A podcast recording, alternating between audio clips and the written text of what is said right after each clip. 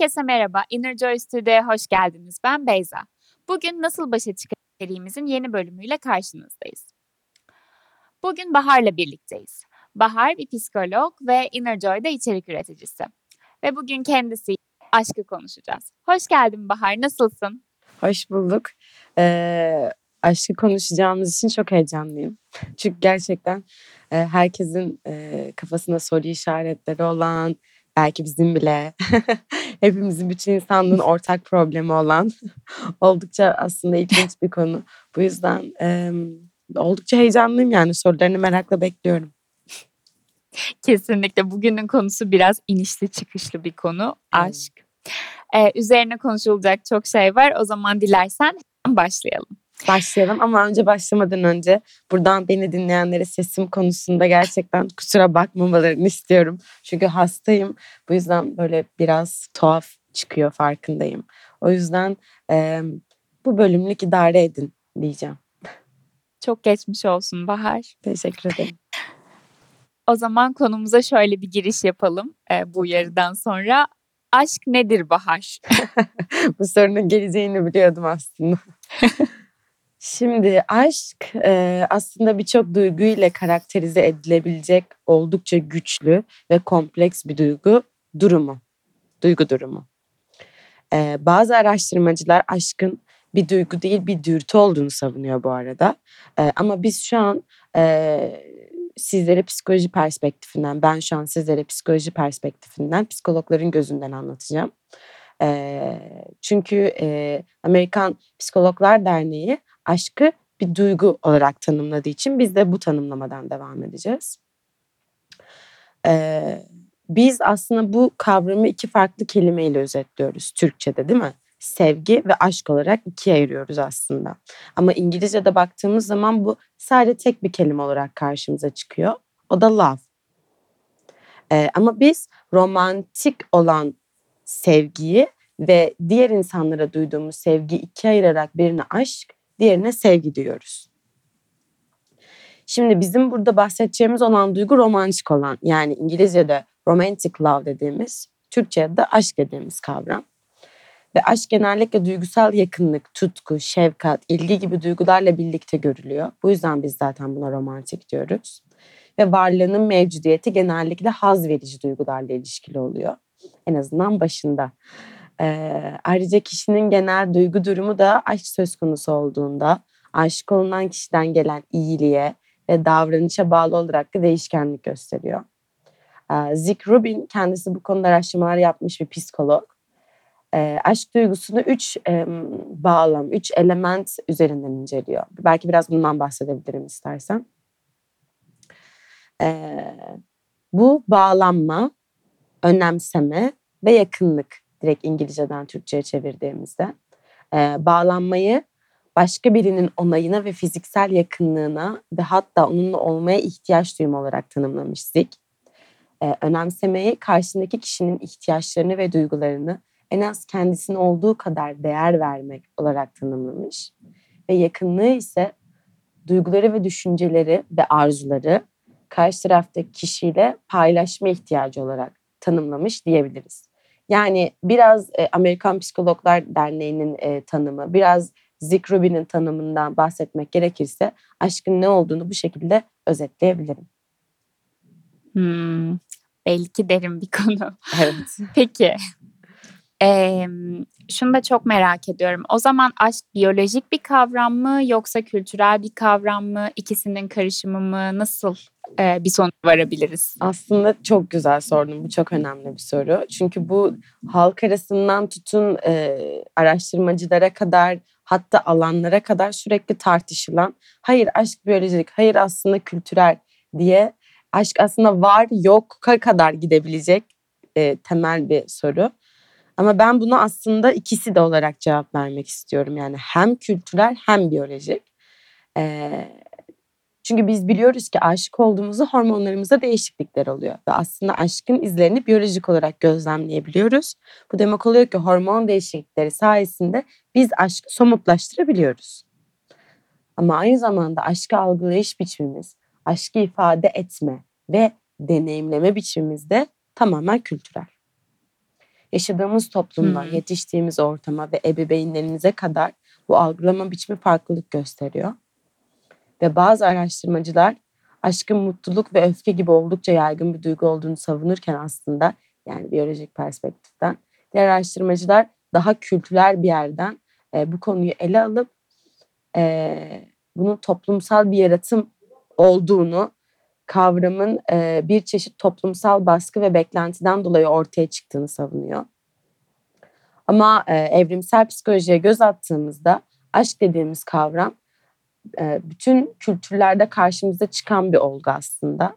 Ve aşkı aramak, bulmak bir çeşit evrimsel ve doğal bir döngünün e, döngü haline gelmiş diyebilirim. Ayrıca e, daha önce de dediğim gibi aşk e, biyolojik olarak tanımlanabiliyor ve somutlaştırılabiliyor. Fakat aşkı algılayış biçimimizde kültürel etkilerin oldukça yeri olduğunu da kesinlikle söyleyebiliriz. Birini birinden ayırmak mümkün, Mümkün değil değil. aslında. Aynen öyle. Çok doğru. Peki aşk sağlıklı bir duygu mu? Aslında bu bizim tamamen bu duyguyu yaşayış biçimimizle alakalı biliyor musun? Yani hiçbir duygu sağlıksız değil aslında baktığımızda. Ee, ama yapılan araştırmalarda şunu söyleyebilirim ki aşkın ve aşk temelli yaşanan sağlıklı bir ilişkinin kişiye getirilerinin oldukça fazla ve güçlü olduğunu söyleyebiliyoruz. Yapılan araştırmalar aşkın daha yüksek benlik saygısına, artan özdeğer duygusu ve gelişmiş özgüvenle ilişkili olduğunu bizzat söylüyor. Yani aslında biz sağlıklı bir psikolojideysek aşk da bizimle birlikte sağlıklı bir duygu haline geliyor ve hayatımızı etkileri de oldukça olumlu şekilde yansıyor. Bu noktada şunun örneğini vermek istiyorum. Öfke. Ben burada öfkeye benzetiyorum aslında aşkı. Eğer sağlıklı bir mental iyi oluşumuz varsa öfke oldukça normal ve sağlıklı bir duygu bildiğimiz gibi Hı hı. öfkelenebiliriz. Ama sağlıksız bir mentale mental e, duruma sahipsek e, öfke şiddete ve zarar verici davranışlara dönüşebiliyor. Bu noktada biz öfkenin sağlıksız olduğunu söylüyoruz. Aşk da aynı bu şekilde diyebiliriz. Bu şekilde özetleyebiliriz yani aşkı da. Hımm. Çok güzel özetledin gerçekten öfkeyle. Çok Evet. doğru. Rasyonel nokta biziz, sıfır noktası. Aynen öyle. Peki aşık olmamak veya birçok kez aşık olmak normal mi? Birden çok kez aşık olmanın oldukça normal ve sağlıklı olduğunu söyleyebilirim kesinlikle. Ama tam tersinin de anormal olduğunu söyleyemem. Ve sağlıksız olduğunu söyleyemem. Bu tamamen kişinin yaşadığı duyguyu aşk olarak tanımlayıp tanımlamadığına göre değişkenlik gösterir. Yani aşkı atfettiğimiz anlama göre değişkenlik gösterir. Biraz önce kültürel olarak değişkenlik gösterdiğinden bahsetmiştik aşk tanımlamalarını. Ve eğer söz konusu hiç kimseye romantik bir yakınlık duymamaksa kimseye bir bağlanma ihtiyacı hissetmemek ve belki de bu bağlanmayı hiç deneyimlememekse evet bu bir soru işareti olabilir. Ee, ve belki bunu biraz normal dışı, belki incelenmesi gereken, üzerine gidilmesi gereken sağlıksız temellere değerlendirebileceğimiz bir durum olduğunu söyleyebiliriz. Ama şimdi kişi bir veya birden fazla kez karşındaki kişiye romantik bir yakınlık duyduysa ve bu bunu ve bunu yalnızca aşk olarak tanımlamadıysa bu gayet normal. Bu kişinin tanımıyla alakalı. E, çünkü belki de aşık olmanın daha yoğun bir duygu olduğunu düşünüyor ve bu yüzden hiç aşık olmadığını düşünüyor. Gayet olabilir. Hımm. E, tamamen kişisel olduğunu söyleyebilirim. Aynı kişide aynı şekilde kişi duyduğu birçok romantik yakınlığı aşk olarak da tanımlayabilir ama. Tam tersi de mümkün. Bu da gayet normal. Bu da gayet kişisel, bu da gayet sağlıklı. E, bu kişinin tamamen konudaki yoğunluk hassasiyetine göre değişkenlik gösteriyor. E, tamamen perspektif olarak kavramsal tanımlamalarının fark tanımlamaların farklılığının getirmiş olduğu durumla alakalı yani. Hı hı. Aslında tırnak içinde normal diye bir şey yok. Normal biziz. Yani biz alıyoruz. Kesinlikle. Çok güzel söyledin. Peki birazcık, eee, daha derin bir soru soracağım. Hepimizin ya da çoğumuzun belki hissettiği derin bir duygu. Aşk acısı nedir? Aşk acısı. Evet burada birazcık daha konu derinleşiyor galiba. Biraz tatsızlaşıyor diyelim en azından. Evet, tatsızlaştı. Evet. Aslında temelde aşk acısı e, kişinin aşık olduğu, kişinin kaybına dair duyduğu acı değil mi? Ve bu kayıp genellikle bir ayrılık sonrasında ortaya çıkıyor. Buna da hemfikiriz. Bu melankoli hali yalnızca duygusal ve psikolojik olarak hissedilmiyor ama. Fiziksel olarak da aşk acısını deneyimleyebileceğimiz kanıtlandı. Bu çok ilginç. Bir duyguyu fiziksel olarak bizzat acı üzerinden deneyimleyebiliyoruz. Gerçekten bu aşkın ne kadar güçlü bir duygu olduğunun aslında çok ciddi bir göstergesi. Ee, bu tarif edici, ettiğimiz acı şu anda kalp kırıklığı nedeniyle gerçekleşmiş olabilir. Bazen hayal kırıklığı nedeniyle gerçekleşmiş olabilir. Bazen ise bağlandığımız bir insanın ayrılmanın getirmiş olduğu hüzünle gerçekleşmiş olabilir. Ama şunu söyleyebiliriz ki ayrılıklardan sonra yas tutmak, hüzünlü hissetmek oldukça normal, oldukça sağlıklı ve aslında belki de gerekli biliyor musun? Çünkü vedalaşmanın bir gerekliliği yas tutmak. Vedalaşmanın bir gerekliliği aşk acısı çekmek. Çünkü o aşk acısı belli bir süre sonra e, giderek azalıyor ve bir noktadan sonra yok oluyor. Bir noktadan sonra yerini başka duygulara bırakıyor. Ve bu yaz sürecinde biz aslında bu acıyı çekerken e, o insanla vedalaşıyoruz. Ve bu da bu da çok sağlıklı.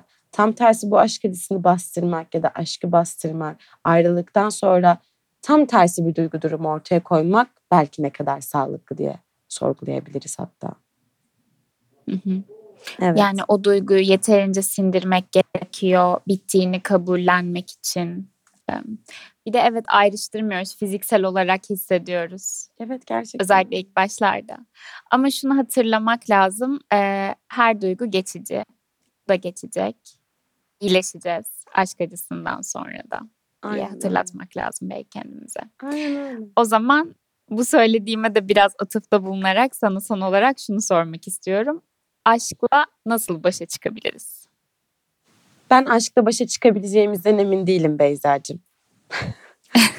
hani daha doğrusu aşk ile başa çıkmamıza gerek var mı diye sormak lazım önce diye düşünüyorum. Ne dersin? Çok güzel. Çok güzel söyledin. Ama şunu söyleyebilirim ki toksit bir bağlanmayla, manipülatif bir partnerle başa çıkmak gerekebilir tabii ki. Ama konumuz şu an bu değil. Ama söz konusu yalnızca bizim duygularımızsa, tam tersi aşkla ancak duygularımızı bastırmadan, bu duygulardan kaçmadan, bağlanmaktan korkmadan ve duygularımızı utanmadan, sıkılmadan ifade ederek başa çıkabiliriz aslında aşkla. Bunun yolu bu. Karşılık bulsun veya bulmasın. Ama herkesin duyguları biricik ve değerli. Bunu biliyoruz zaten. Bu noktada önemli olan önce kendimize duygularımız konusunda dürüst davranabilmek. Yani eğer birine karşı bir şeyler hissediyorsak, birine karşı gerçekten hissettiğimiz duyguların giderek yoğunlaştığını ve aşka dönüştüğünü hissediyorsak, evet belki bunu başta kabul etmek o kadar kolay olmayabilir. Çünkü bu belki yeni bir şey, belki çok güçlü bir şey hissediyorsun. Belki kaybetmekten korkuyorsun, belki reddedilmekten korkuyorsun. Ama şu an bu dönem içerisinde günümüzde böyle e, özellikle böyle 16 17 yaş arasından belki 20'lerinin sonuna kadar bir bir bir algı söz konusu. Aşık olmanın aslında utanılacak bir şey olduğunu, aslında bağlanmaktan kaçmanın oldukça cool bir şey olduğunu, yakınlık kurmanın artık biraz eski moda, biraz retro bir şey olduğunu gibi gibi böyle bir bir durum söz konusu. Ama hayır bağlanmanın bağlanma sağlıklı bir düzeyde olduğu sürece bağlanmak aslında insanın en temel ihtiyacı. Aşık olmak, Kesinlikle. bağlanmak, sevmek, sevilmek bunlar utanılacak, kaçılacak ya da saklanacak duygular değil. Bunlar insanın doğasında olan duygular. Bunlardan kaçamayız. Bunlardan kaçmak zorunda değiliz. Bunların getirileri var çünkü bize. Ve ee, ama kendimiz aşık olma konusunda zorunlu da hissetmemeliyiz. Çünkü izlediğimiz filmlerden, okuduğumuz romanlardan aslında bize kültürel olarak pompalanan bir gerçek de var. Pompalanan bir aşk figürü var değil mi? Ve biz bunları bir noktada biz bunlara bir noktada maruz kaldığımızda kendimize şu soruyu soruyoruz. Belki de. Ben neden aşık değilim? Ben neden aşık olamıyorum? Ya da ne bileyim acaba ben hiç aşık olmadım ya da acaba aşık mı olmalıyım diye. Şimdi madalyonun iki yüzüyle değerlendirmeliyiz bağlanmaktan kaçmak ve bir noktada e, hissettiğimiz duyguları bastırmak ve söylemeye utanmak ı-ı, bu değil. Ama diğer taraftan madalyonun diğer tarafı da e, aşık olma zorunluluğu hissetmek bu da kesinlikle değil. E, yalnız olmayı tercih ediyorsak bu durumda en az aşık olmak kadar normal ve sağlıklı. Ve hissettiğimiz her duygu bizi bir önceki halimizden daha farklı ve daha olgun da kılıyor diye düşünüyorum ben. Aşık olmak oldukça güzel bir deneyim. Aşk acısı çekmek, bir insanın hayatını almak, bir insanla vedalaşmak kişiye birçok yeni deneyim kazandırabilir. Bambaşka bir yolculuk ama bir olmazsa olmaz da değil. Bağlanmak insanın temel bir ihtiyacı aynı biraz önce söylediğim gibi ama bu bağlanma şeklini aşk olarak tanımlayıp tanımlamamak da kişinin tamamen kendi perspektifine bağlı. Hmm. Bu konuştuklarımızdan anlıyorum ki kesinlikle bir normal kavramı yok ya da işte şu kalıpta olmalı, şu formda olmalı, bir insan şöyle hissetmeli, hissetmemeli değil. Eee, aslında ne yaşıyorsak bastırmadan olabildiğince, emm, sağlıklı bir yerden gitmemiz gerekiyor. Aynen öyle. Eee, ve yani aşk dediğimiz kavramın bir tane ya bu kadar konuştuk işte. Tek bir, eee, açıklamasını getiremedik. Çünkü dediğin gibi kültürel normlar var, dışsal faktörler var ya da işte Elmalılar çok fazla var, eee, işin içinde. Sadece bir deneyim değil, biz aslında sadece hislerimizi yaşayamıyoruz. Şöyle olmalı, eee, karşı taraf bunu yapmalı, ben bunu yapmalıyım ya da eğer duygularımı söylersem bu çok utanılacak bir şey, küçük düşerim gibi, eee, bir algı var ama senin de dediğin gibi bu ne utun utanılacak bir şey, ne sıkılacak bir şey. Aslında çok tatlı bir duygu ve tabii ki şöyle de bir durumu var karşımızdaki kişiyi kaybetmek, yollarımızın ayrılması ya da e, kafalarımızın uyuşmaması bunlar da hepsi deneyim ama her deneyimde kendimizi keşfettiğimizi kendimize hatırlatmamız gerektiğini düşünüyorum ben de. Peki ben sana bir soru sormak istiyorum. Hani dedik ya hı hı aşkın birçok farklı tanımı var diye sadece ortak olarak söyleyebildiğimiz ve o da hani Amerikan Psikologlar Derneği'nin açıklamasına uygun olarak ifade edebildiğimiz tek kelime bunun bir duygu oldu aslında. Ki bunu bile bazıları dürtü bazıları bambaşka bir kavram olarak tanımlıyor ama bunu bir duygu olarak tanımlayalım şu anda. Senin için senin için aşk duygusu ne? Yani sen bunu nasıl tanımlarsın? Bir kelimeyle, bir iki kelimeyle tanımlamak istersen. Senin aşk tanımlaman ne? Neye hmm. yakın? Biraz daha galiba çok teknik konuşmayı sevmiyorum bu konuda. Hani bu kadar hmm. e, çok teknik konuştuk. Hani bence bir his aslında.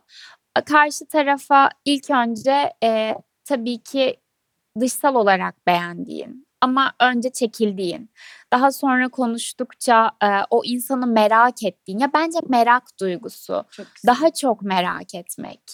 Ee, ne yapıyor? Önceki benden benimle tanışmadan önce nasıldı? Ee, sevdiği şeyler ne, sevmediği şeyler ne? Ya kendimi tanımak gibi karşı tarafı da tanımak istiyorum. Ben aşkı biraz o yüzden merakla özdeşleştiriyorum. Sen ne düşünüyorsun? Çok güzel söyledin merak. Yani ben de evet bir, bir sonraki hani benim ilk tanımlamam, ilk söyleyebileceğim şey her zaman motivasyon oluyor. Aşk benim için bir motivasyon demek. Ee, ama ikinci olarak tanımlamak istediğim zaman ben de kesinlikle merak merak diye ekleme yapardım. Ama benim için ben biraz motivasyon gözüyle bakıyorum aşka. Çünkü ben aşık olduğumda kendimi çok motive olmuş hissediyorum her şeye karşı. Ee, daha çalışkan, e, daha mutlu, daha hevesli, daha üretken, e, belki daha iyi, daha yardımsever, daha motive olmuş, hayata yaşamaya daha motive olmuş bir insan gibi hissediyorum. Bu yüzden evet merak çok güzel bir tanım. Ee, ama ben bir de buraya motivasyonu eklemek istiyorum açıkçası. Çok güzel söyledin. Çünkü o o kendinde deneyimlediğim bir şey. Ee, o merak duygusundan sonra aşık olma evresine geçildiğindeki o hayatın bir pembe bir gözle bakıldığı evre Kesinlikle. çok tatlı. Çok, çok tatlı güzel söyledin. Evre. Aynen öyle çok tatlı çok üretken bir evre yani benim için de aynı zamanda. Bahar'ın daha iyi bir versiyonunu görebilmek. Müthiş. Bunu deneyimleyebilmek müthiş bir şey kesinlikle. Kesinlikle. Umarım e, herkesin dilediği formda e, deneyimleyebileceği bir tatlı bir deneyim olur herkes için. Böyle Aynen bir dilekte bulunayım biz dinleyenlere de. Evet farklı formlarda, farklı tanımlamalarda hatta aşk bile olarak tanımlanmak zorunda değil. Ama birine karşı bir yakınlık duymak, ro- romantik yakınlık duymak, birine karşı romantik bir bağlanma içerisine girmek, bunun insana iki tarafa da zarar vermediği ve şiddet içermediği sürece çok tatlı bir duygu olduğunu Kesinlikle. söyleyebiliriz ve bu noktada bunda hemfikir olabiliriz diye düşünüyorum ben de. Kesinlikle çok katılıyorum. Bahar geldiğin için ve bu güzel sohbetin için çok teşekkürler. Ben teşekkür ederim. İnanılmaz keyif aldım aşk konusunda konuşmak. Ne haddimeydi bilmiyorum ama en azından psikoloji bilgimi birazcık işin içine katarak ve yaptığım birkaç araştırmayla size aşkı nasıl başa çıkabileceğimizi ya da nasıl başa çıkamayacağımızı özetlemiş oldum en azından birazcık. Harikaydı kesinlikle. Bugün Bahar'la aşkı ve bu duyguyla nasıl başa çıkabileceğimizi konuştuk. Innerjoy hakkında daha detaylı bilgi almak için www.innerjoy.app sitemizden yazılarımızı okuyabilir. Meditasyon pratikleri için Innerjoy app'i Google Play veya Apple Store'dan indirebilirsiniz. Bir sonraki bölümde görüşmek üzere. Hoşçakalın.